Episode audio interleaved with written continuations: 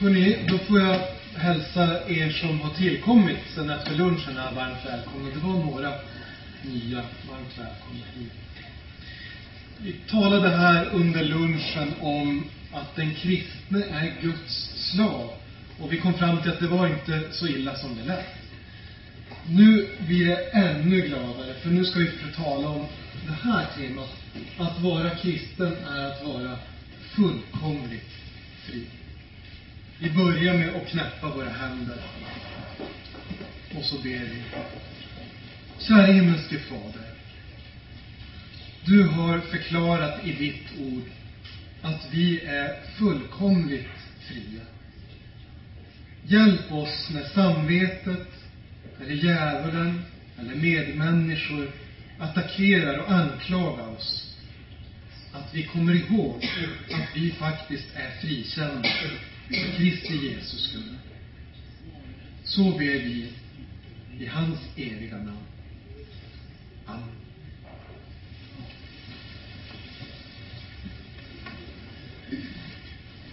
Ja, ni är fullkomligt fria.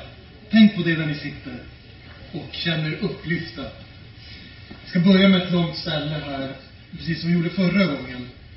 Och eh, nu börjar vi i Romarbrevets åttonde kapitel. Så här står det. Så finns nu ingen fördömelse för dem som är i Kristus Jesus. Till livets andes lag har i Kristus Jesus gjort mig fri från syndens och dödens lag. Det är så omöjligt för lagen, svag som den var genom den syndiga naturen, det gjorde Gud genom att sända sin egen son som syndoffer. Han som till det yttre var lik en syndig människa. Och i hans kropp fördömde Gud synden. Så skulle lagens krav uppfyllas i oss som inte lever efter köttet, utan efter anden. Och här skulle jag vilja att vi fokuserar extra på det som jag har strukit under. Livets andeslag har gjort mig fri från syndens och dödens lag. Aposteln talar här om att lagen som vi känner den, den var inte effektiv. Han har ett ganska långt resonemang om det här. Han säger det är inget fel på lagen, den morallag som Moses fick på Sinai berg. Och som redan innan dess var inskriven i människors hjärta. Det är inget fel på den lagen. Den är helig av Gud. Men, säger han, det finns ett problem. På grund av våran svaghet så kan den inte lyckas med sitt uppdrag. Den för ingen in i himlen. Den gör ingen helig. Det som var omöjligt för lagen, det har nu Gud ändå klarat av genom Jesus. Anden har gjort mig fri från syndens och dödens lag. Och inte bara från lagen, förstår vi här när vi läser från Hosea, utan även från döden. Så här står det. Från dödsrikets våld ska jag friköpa dem. Från döden ska jag återlösa dem. Du död, var är dina plågor? Du dödsrike, var är din ödeläggelse? Det här är väldigt modigt sagt, tycker jag, Hosea. Han utmanar döden här. Och vi känner igen de här orden också från Romarbrevet. Du död, var är din udd? Säger Paulus. Döden hotar inte mer. Synden hotar inte mer. Det är stora ord. Framför allt som vi ju kan känna att döden hotar. Jag tror att många av er har känt det. Att när vi ställs inför sjukdom, när vi eller någon som står oss nära blir allvarligt sjuk. När döden är hotande nära, ja, då känner vi oss hotande. Vi känner oss att vi är lite uppskrämda. Men så här ska vi tänka och påminna oss själva. Döden är egentligen inget hot för den kristna. Den kristna friheten, det är en frihet faktiskt från synden och döden. En frihet från synden och döden. Våra två huvudmotståndare. Och vi talade ju innan lunchen här om att den kristne har mycket att förhålla sig till som Kristi slavar. Det är mycket att ta hänsyn till. Vi ska ta hänsyn till Guds vilja och vi ska ta hänsyn till våra medmänniskor. Vi ska ta hänsyn till deras svaghet. Vi ska ta hänsyn till deras bristande kunskap och förståelse. Och ändå är vi fria, säger Bibeln. Även om vi ofta känner oss bundna.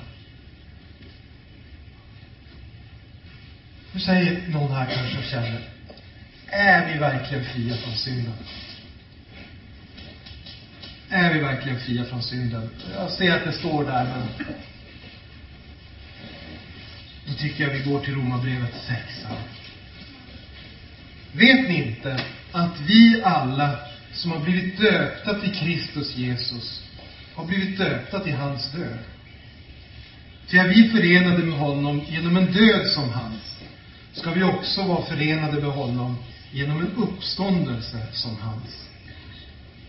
Vi vet att vår gamla människa har blivit korsfäst med Kristus för att syndens kropp ska berövas sin makt, så att vi inte längre är slavar under synden. Där kom det där ordet tillbaka, slavar. Det här dopet, som ofta sker med små spädbarn, det är ett märkligt under. Frågar vi folk på stan så tänker de nog att det är ett sätt att ge ett barn ett namn. Dopet är till för att barnet ska få ett namn. Men här händer mycket större saker än så. Ni som har blivit döpta till Kristus har blivit döpta till hans död. Alltså, när vi blir kristna, om det nu är genom dopet eller genom ordets predikan, då dör den här makten som den gamla människan har över oss. I dopet så får vi dränka den här svagheten som vi ständigt blir påminda om. Vi frestas av det vi vet är fel. Och vi känner en tveksamhet och en ovilja att göra det vi vet är rätt. Men i dopet så får vi döda synden. Och syndens makt bryts över oss. Synden finns kvar, men den regerar inte längre över oss. Det står ju här, vi är inte längre slavar under synden. Så även om du, ska vi vara så negativa att vi säger, även när du syndar idag, så är du ändå inte slav under synden. Du är ändå fri. Istället för den här synden som regerade över den naturliga människan. Chefen, som vi hade förut, synden. Så har vi nu en ny chef. Det är Kristus som regerar i våran kropp. Vi väntar på en uppståndelse som hans. När vi ser syndens härjningar i, i våra liv, vi märker att våra relationer till andra människor, de är inte som de borde vara. Vi visar inte den hänsyn vi borde visa. Vi har inte det tålamod vi borde ha. Vi är inte så villiga att förlåta som vi borde vara. Då kan vi se fram emot att vi ska få ta del av en uppståndelse som Kristi uppståndelse. Lik hans. Det ser vi fram emot. Ändå, hörni. Ibland känner vi kanske mer lite grann så här. Trots att vi vet att vi är friköpta från synden. Ibland känner vi så här. Jag kan inte fatta att jag handlar som jag gör. Det jag vill, det gör jag inte. Men det jag hatar, det gör jag. Det är välkända ord. Nu tänker jag så här. Om ni har en vän som läser Bibeln och så hittar han eller hon de här verserna. Och så säger han, hur kan båda de här sakerna vara sanna? Jag är fri från synden, friköpt. Och ändå så gör jag det jag hatar och gör inte det jag vill. Vad svarar du då? Ni som inte var med här på innan lunchen eh, får en överraskning här. Nu ska ni hitta någon ni sitter nära och så ska ni fundera på den här frågan. Vad svarar ni till den som undrar? Hur kan båda de här sakerna vara sanna? Varsågod och samtala här. Hitta någon att prata med. Försök få med alla på eran rad så att ingen blir ensam och utanför här. Så funderar vi på det.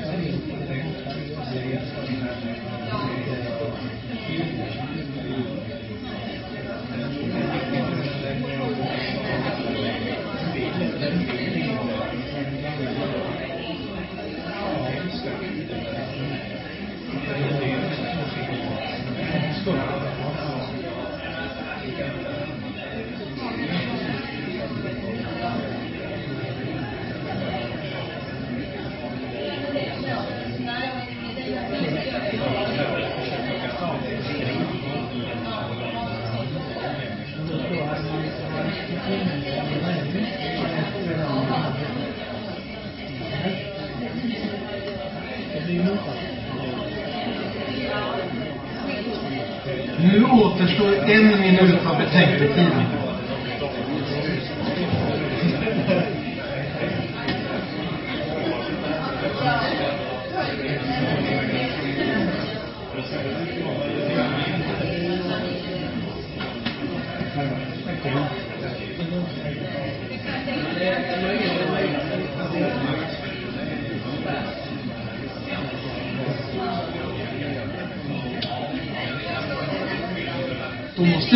Avbrytare.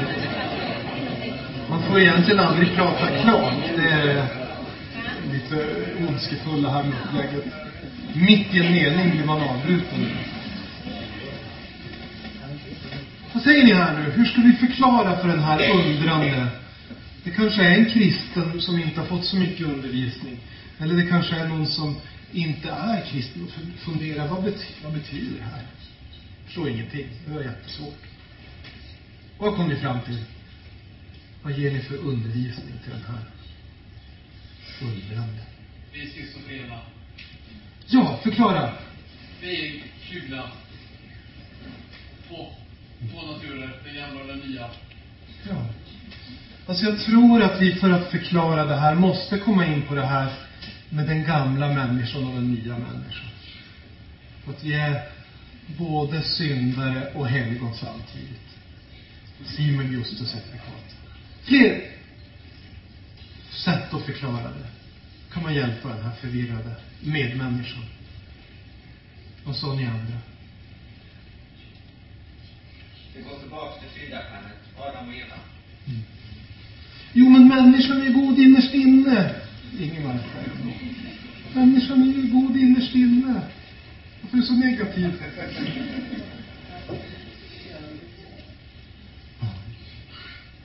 Vad säger ni till den då som säger, men humanismen har ju lärt oss att människan är så god och ren inuti. Titta jag omkring i världen. Se dig omkring.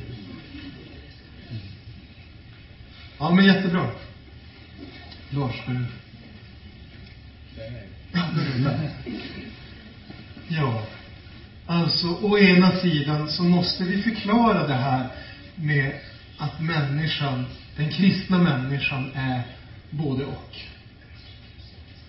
Och sen måste vi förklara, och det här är känsligt, att människan är inte god innerst inne.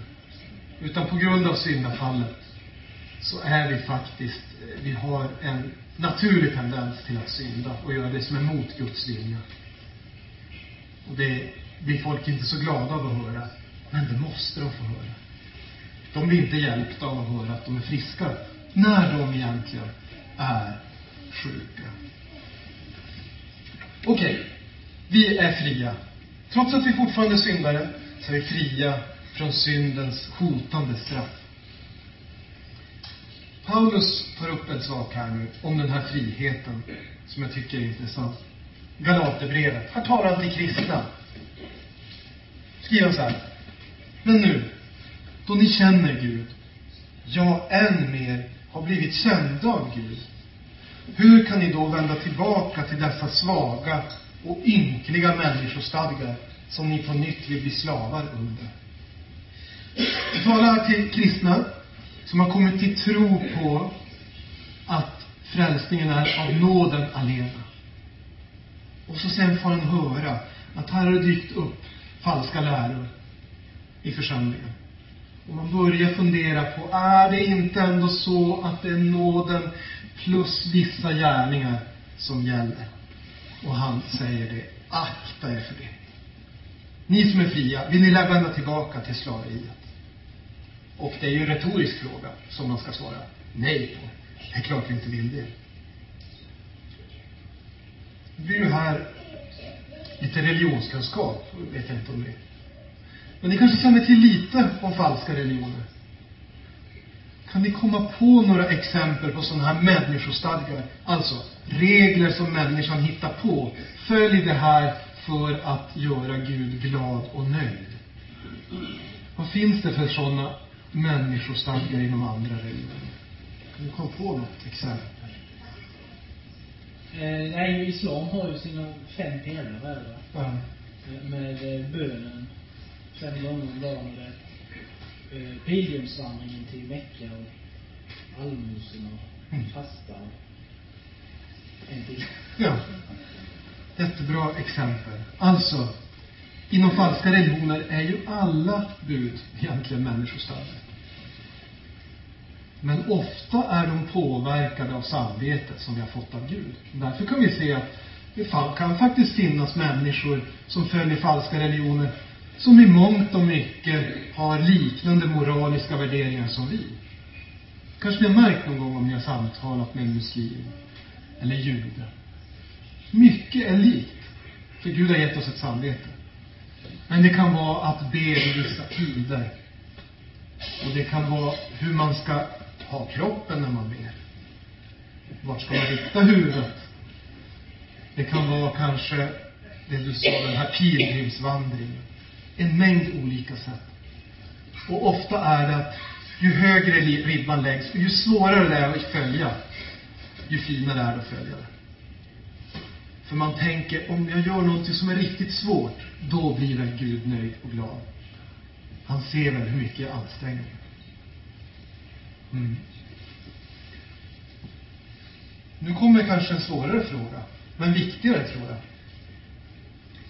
Ge exempel på sådana här människostadgar inom kristenheten.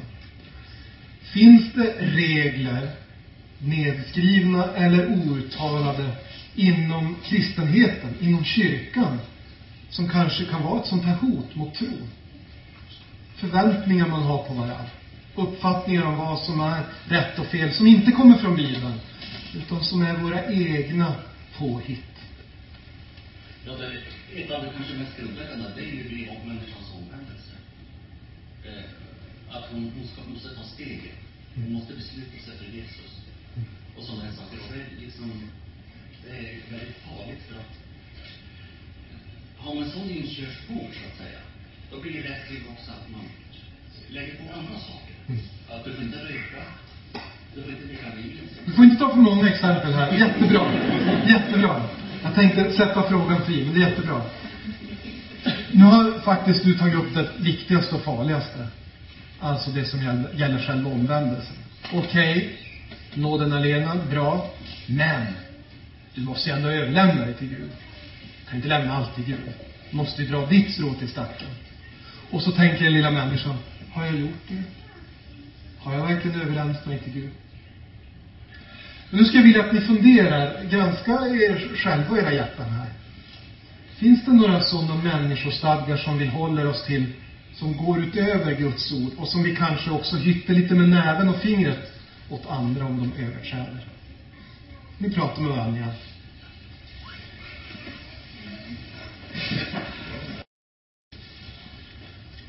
Så några bra saker som ni tog upp då. Vi tar med det här för att det ska komma med på inspelningen också.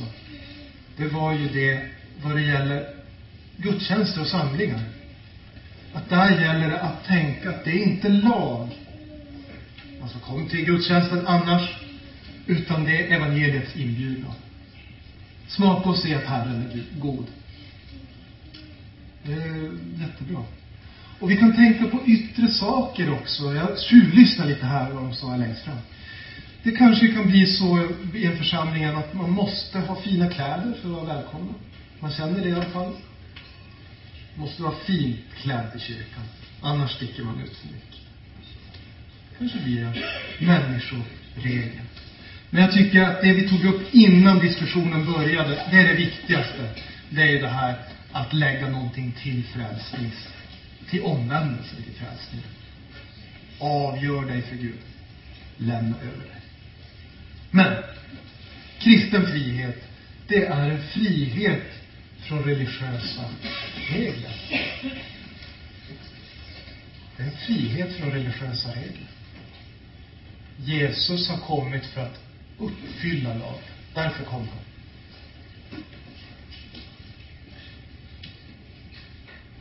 Vi återvänder till den här. Vi läste den före lunch också. Jesus säger, låt ingen kalla er rabbi, ty en är er mästare och ni är alla bröder. Ni ska inte heller kalla någon på jorden er fader, ty en är er fader, han som är i himlen. Ni ska inte låta någon kalla er lärare, ty en är er lärare, Kristus. Oj.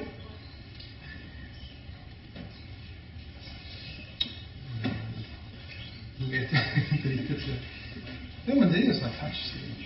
Jo, kristen frihet, det är också att vara fri från mänskliga auktoriteter. Alltså, en av de viktigaste sakerna med reformationen. Det var jättemånga saker som var viktiga. Men det är den här uppmaningen till varje kristen att läsa Guds ord. Och studera Guds ord. Och lära sig det. På den tiden, 1500-talet, många som inte kunde läsa. Katekesen är till för att man ska kunna lära sig grunderna. Så att man kan pröva världen. Vi kan inte lägga över det här med läran, vad kristen tro är, på några få.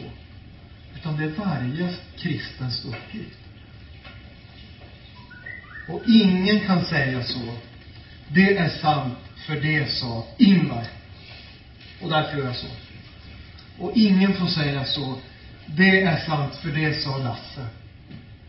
Utan vi ska säga, det är sant, för så säger Herren. Det här är faktiskt ett ansvar nu som alla kristna har, att hjälpa de som är lärare i kyrkan. Och i kärlek påpeka om någonting man säger inte stämmer överens med Bibelns ord. Det uppdraget har ni faktiskt. Ni ska hjälpa oss. Så att vi inte vandrar vilse. Vi kan se i kyrkohistorien en mängd olika problem med allt för stor auktoritetstro när man då tror på en människas auktoritet. För vad händer om den människan faller ifrån? Lämnar tron? Överger sanningen? Eller börjar lära falskt? Vad hände med mig då? Jag klamrar mig fast vid den här goda läraren. Förlitade mig på att han skulle hjälpa mig och leda mig hela vägen fram. Ja, då är jag vilsen. Kristen frihet innebär också ett stort ansvar. Vi ska själva studera Bibeln. Inte bara på söndagarna lyssna på vad pastorn säger att Bibeln säger. Utan själva studera. Så att vi kan pröva världen. Vi har ju nyss firat reformationsdagen. Och en av de skrifterna som Martin Luther skrev, som kanske inte är den mest kända, är ändå väldigt viktig. Om en kristen människas frihet. Och det fascinerande med den här, det är ju att han skickar den till påven. Om en kristen människas frihet. Martin Luther, han har redan spikat upp de 95 teserna och reformationen börjar ta form. Och nu har han ställt, ställts inför hotet om inte bara exkommunikation, utan underförstått också. Tänk på hur det har gått för tidigare reformatorer. De har bränts på bål. Han vet att han faktiskt verkar under ett dödshot. Och så skriver han den här skriften och skickar den till påven. Och så säger han, jag vill påminna dig, käre vän, om detta. En kristen är allas tjänare och var människa underdånig. Det gäller även dig, påve, säger han. Vi talade om det här innan lunch. Alltså, vi är allas tjänare, vi ska ta hänsyn till alla och deras svagheter. Men, säger Luther också, en kristen är en fri herre över allting och ingen underdånig. Det är fria. Jesus är vår enda Herre. Och vi kan tänka oss att det inte togs så jätteväl emot i Rom. Men det är en jätteviktig princip. Så här skriver Paulus i Romarbrevets åttonde kapitel. Ni har inte fått slaveriets ande, så att ni på nytt skulle leva i fruktan. Nej, ni har fått barnaskapets ande, i vilken vi ropar Abba, Fader. Anden själv vittnar med vår ande att vi är Guds barn. Men när vi är barn är vi också arvingar, Guds arvingar och Kristi medarvingar, lika visst som vi lider med honom, för att också bli förhärligade med honom. Det jag vill lyfta fram här är framför allt detta. Kristen frihet är också en frihet från rädsla. På min arbetsplats sitter vi ett gäng lärare i ett arbetsrum. Och det är några som har lite uppsikt. Vi har ett fönster ut mot korridoren. Och så säger de ibland, nu går rektorn! Nu går rektorn! Nu packar vi ihop. Alltså, vi, vi sitter här i arbetsrummet därför att chefen kan se om vi smyger iväg för tidigt. Men nu går han hem, då kan vi också gå. Någon mån, i någon mån, vi ska inte överdriva det här, så tjänar de i rädsla. Alltså, tänk om någon kommer på mig med att gå hem innan fem. Den kristne tjänar inte i rädsla. Vi ska inte tjäna Gud för att vi är rädda för straff. Och vi tänker inte sådär, nej, nu ser inte Gud. Då lägger jag upp fötterna på bordet och syndar lite grann i lugn och ro. Utan den kristne tjänar i glädje och kärlek. Så den kristne skulle i det här läget gärna också säga, nu går chefen, men jag jobbar ju på ändå. För jag har lön ändå till 17, eller hur Ingvar? Ändå till 17 här lön. Fantastiskt nåd att få jobba en hel arbetsdag. Tänk på det här hörni. Därför att det är så lätt att vi kristna har fel drivkrafter. Att vi tänker att jag vill tjäna Gud för det ser bra ut inför andra. Jag vill tjäna Gud för annars är det folk i församlingen som ser att jag kanske inte är tillräckligt duktig. Jag vill tjäna Gud för jag är rädd för hans straff. Nej, säger Gud. Kärleken driver bort rädslan. Var inte förskräckta. Var inte förskräckta.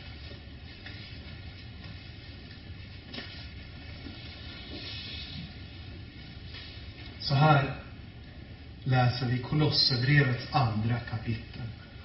Se till att ingen rövar bort er med sin tomma och bedrägliga filosofi, byggd på mänskliga traditioner och stadgar, och inte på Kristus.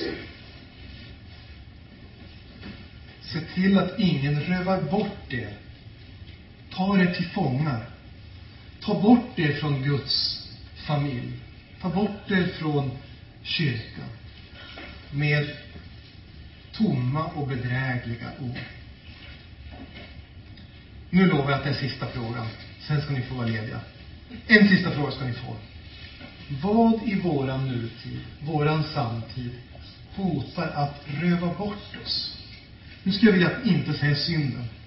Utan vad kan det vara för tankar, filosofier, kunskap som vill locka oss bort från evangeliet?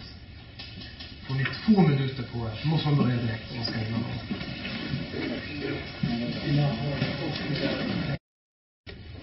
Ja, men några av de kloka sakerna som ni sa här då. Det var ju dels att Big Bang och evolutionen är en utmaning. Därför att den är så allmänt accepterad. Och vi känner oss ibland kanske lite dumma. Vi kanske behöver läsa på mer om kristna forskare som visar att man behöver inte alls tolka de fynd som görs på det sättet. Men det är en utmaning för tron, för vi vill inte verka dumma. Utan vi vill ju verka smarta i andras ögon. Och när fler och fler kristna som säger sig vara kristna också accepterar det, så blir trycket hårdare på de som är kvar. Sen pratade ju ni här om, om eh, den falska säkerheten att tänka, jag behöver kanske inte höra Guds ord. Det bor ju i mig, har jag läst också i Bibeln. Jag behöver kanske inte undervisning, jag kanske inte behöver gemenskap, inte så ofta i alla fall. Det klarar sig nog ändå. Och så tog ni upp det här med hälsotrenden. Att det viktigaste är att må bra fysiskt och vara i gott trim. Och till sist våran stora fiende postmodernismen. Ska någon verkligen påstå att han, hon eller hen har sanningen? Det låter förmätet. Nej, allt är lika sant. Det är i alla fall sant för mig. Men, bort allt det, säger Bibeln. Se till att ingen rövar bort det.